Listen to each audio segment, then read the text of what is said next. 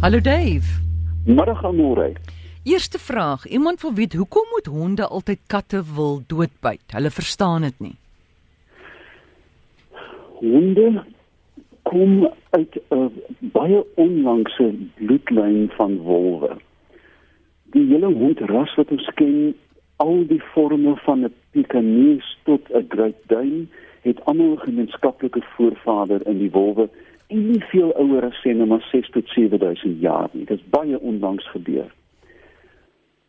Die karaktertrekke en kenmerke van beide die oergroepe van die katte en die honde het nooit van mekaar gehou nie want hulle het gekompeteer een vir prooi of ook vir aas. En hierdie is baie primitiewe eienskappe wat bly steek selfs in moderne honde om 'n kat weer te kry.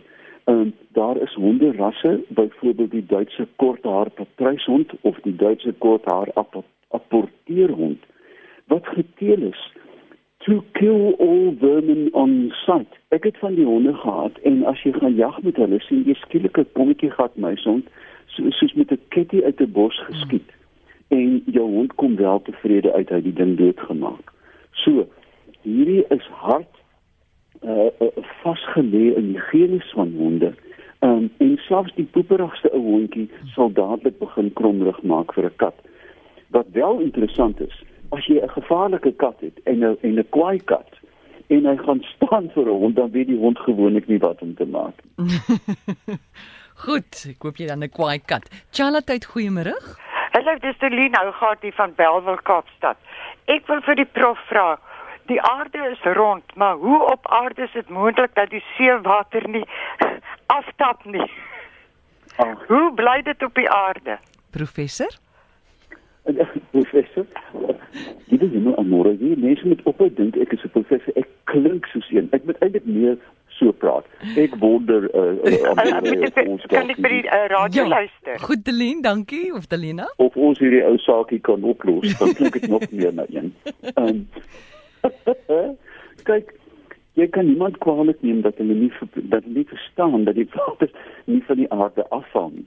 Want die eerste kaarte van die aarde wat geteken is deur Herodotus die Griek het net aan die kant ehm um, Gibraltar wat hulle genoem het die Hellespont.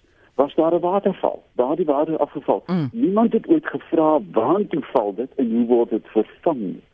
Nou die aarde is groter as wat 'n mens dink uh dis 'n reuse bal klip en enige liggaam met massa het natuurlik ingeboude aantrekkingskrag. Met ander woorde, die krag van die aarde hou die maan in sy wentelbaan en vreemd genoeg hou ook die maan se gesig heeltyd. Ons sien altyd dieselfde gesig, né, van die maan, die maan, die maan. Dit is die krag van die aarde wat dit wat dit aantrek en net so trek die krag van die aarde na sy middelpunt. Mount Everest, jou klein karretjie en die water en die appel wat uit die boom uitval waar Newton gesit het um, en so voort. So alles neig om te trek na die middelpunt van die aarde en dis 'n dis 'n aansienlike krag wat dan ook bepaal dat die water nie kan wegloop nie, maar vasgehou word deur die bal se swaartekrag.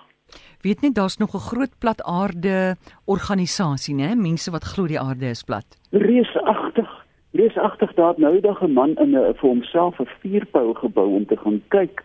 Ehm um, ek wil baie graag hoor wat gebeur het.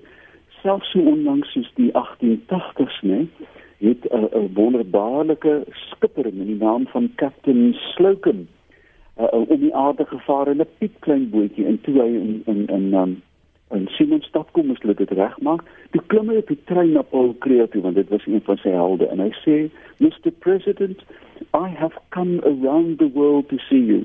Die ou baas het sy tyd uitgehaal en gesê, "Mr Captain Slocum, you've come halfway over the earth, the, the earth to see me." Van hier het geglo die aarde is.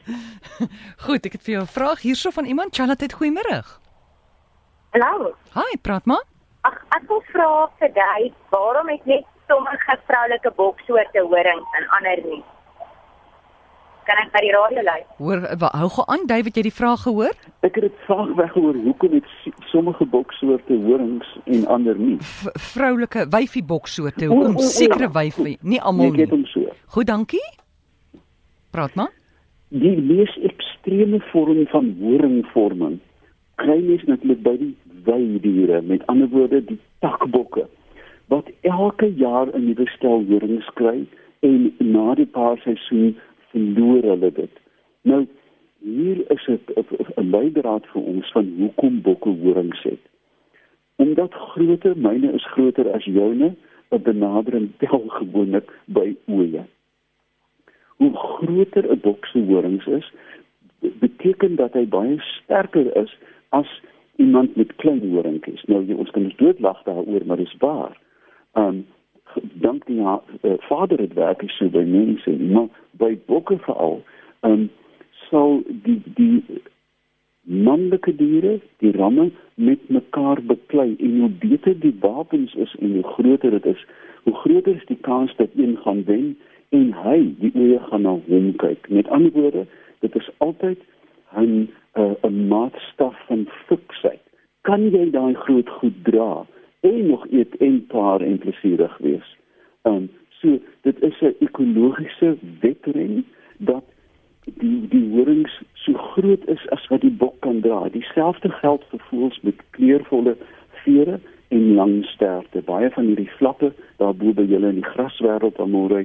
Uh, daai flap kan nie veel meer as daai stert dra nie. Hy's op die rand van uitputting, maar die wyfie sê as hy baie stert kan dra, gaan hy goeie pa wees.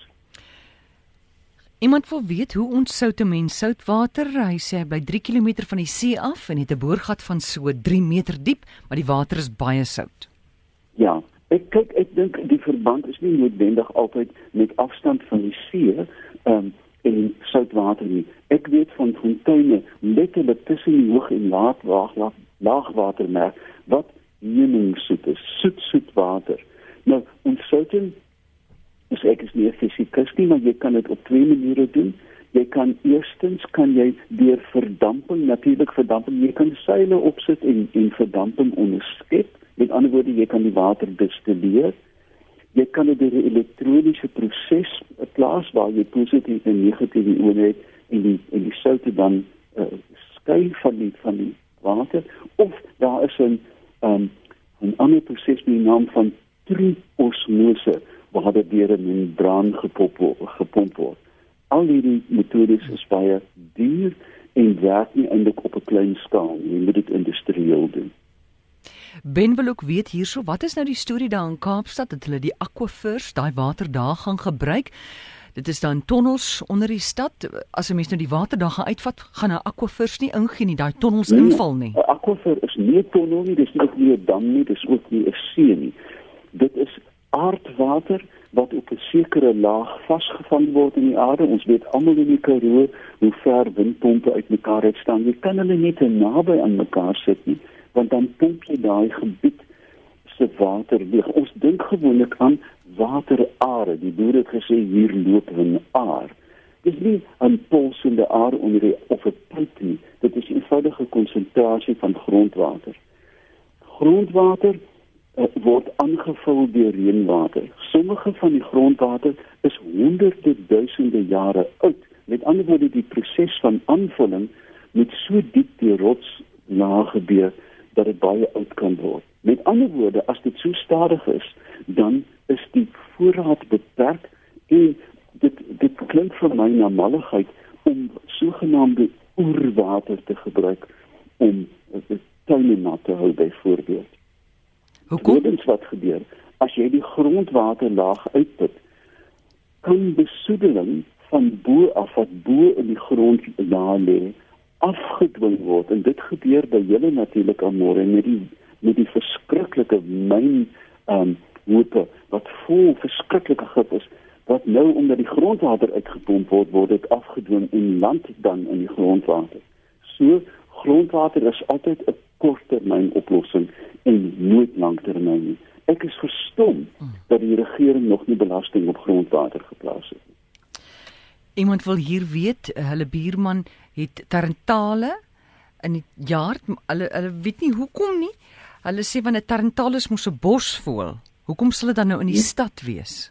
Die ou luister tarantale is die mees opportunistiese voëls op aarde. Hulle is erger as hyenas.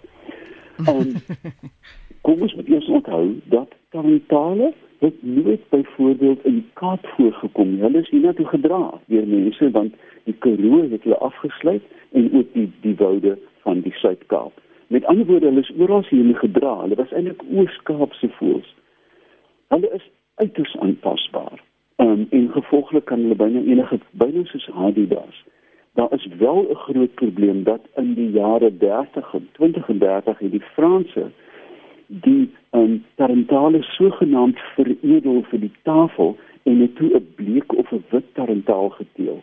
Die goed is besig om terug te kom in die land en is besig om die gene van ons tarentale te verdun met uh, kunsmatige gene. So mens moet versigtig wees, maar hulle is bittereinders en kan byna enige plek voorkom. Um soos baie baie ander stadvoëls soos die kraaie, die mynas, uh die suikerbekkies is die talentale net 'n meer opsigtelike een. Dave, tyd om te groet. Baie dankie. Genade, ek is skoon uit asem gepraat en môre lekker aanloop tot Kersfees vir my swart Vrydag, Maandag ensovoorts en um, uh, uh, uh, hou die vlag hoog. Dankie. Jy ek maar ons gaan ons volgende week weer praat. Jy groet my ja. asof dit die einde van die jaar is, asof ek Waai. Of jy ja, waai? Ek ek ek is ek is klaar in 'n soort van 'n gelate afskeidmodel. Jy weet, o. ek kyk gelate na mense wat jy nie weer raad het met, met tinsel en balletjies. Ehm um, ek grol my dood. ek ook. Goed, dankie Dave. Lekker aan. Dis Dave Peppler. Besoek sy Facebook bladsy.